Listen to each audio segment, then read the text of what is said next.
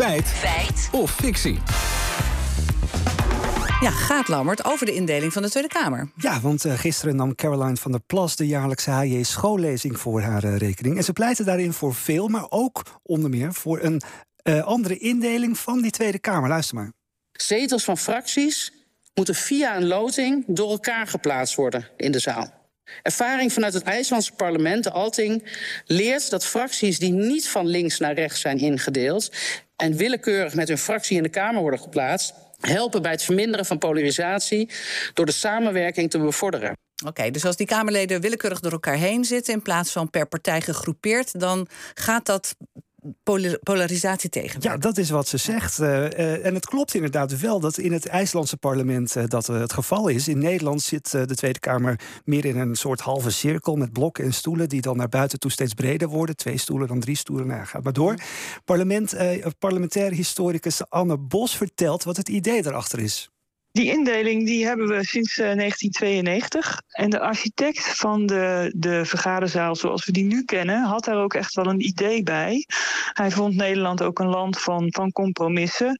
En vond dat halfrond dus eigenlijk veel beter passen dan uh, dat oppositionele zoals uh, we kennen uit het Lagerhuis in, in Groot-Brittannië bijvoorbeeld. Ja, en, en voor 1992 zag het er inderdaad heel anders ja, uit. Ja, dat was ja. inderdaad veel meer zoals in dat Britse Lagerhuis. In een rechthoekige zaal met in het midden de voorzitter, links en rechts voor hem een, een blok bureaus met stoelen. Ja, die politici zaten toen echt tegenover elkaar. En ze konden roken achter het gordijn. Ja, en wie, wie zaten er dan tegenover elkaar? Ja, dat weet Anne Bos ook. De confessionelen, dus de mensen die vanuit een, uh, een religieuze overtuiging een uh, verkiezingsprogramma uh, hadden.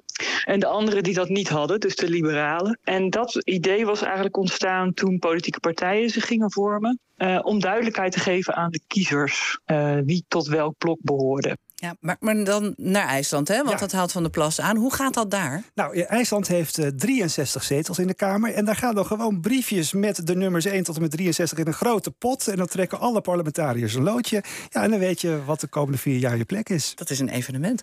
Maar dan kan het in theorie dus nog steeds dat je met een aantal partijleiders, ja, uh, door het lot bepaald, toch naast elkaar komt te zitten. Ja, en daarom heeft de Nederlandse wiskundige Frits Spieksma met collega's een oplossing bedacht in de vorm van een wiskundig model. Ten eerste moet je even vastleggen wat, wat betekent om buur te zijn. Nou, links en rechts is een buur, misschien voor en achter, of misschien twee voor, twee achter, dat kan ook buur zijn. Nou, als je dat vastlegt, dan kun je vervolgens een, een model maken waarin je besluit, de stoelen die boeren zijn, zoveel mogelijk toewijzen aan uh, verschillende partijen.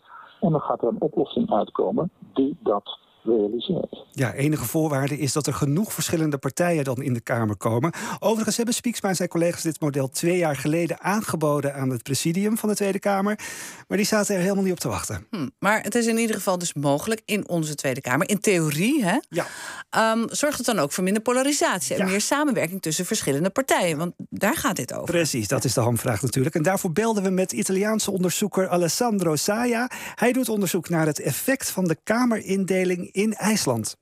What I found is that members of the parliament are less likely to vote along the party line. Ja, hij zegt dus dat in IJsland politici minder vaak meestemmen met de lijn van hun partij. En dat is in de wetenschappelijke literatuur een van de pijlers tegen polarisatie. Maar hij vond nog meer politicians they start to talk alike. So if you're sitting next to somebody then you start to also use a different type of language. And overall this reduces the polarization across parties. Ja als je naast elkaar zit zegt hij ga je automatisch ook een beetje dezelfde soort taal gebruiken. En dat is ook goed tegen polarisatie. Oké okay, maar dan, dan nog even officieel. Uh, politici in het parlement willekeurig door elkaar heen zetten zoals uh, in IJsland. Dat gaat polarisatie tegen en het verbetert de samenwerking is dat uh, feit of fictie? Caroline van der Plas had gelijk, het is een feit.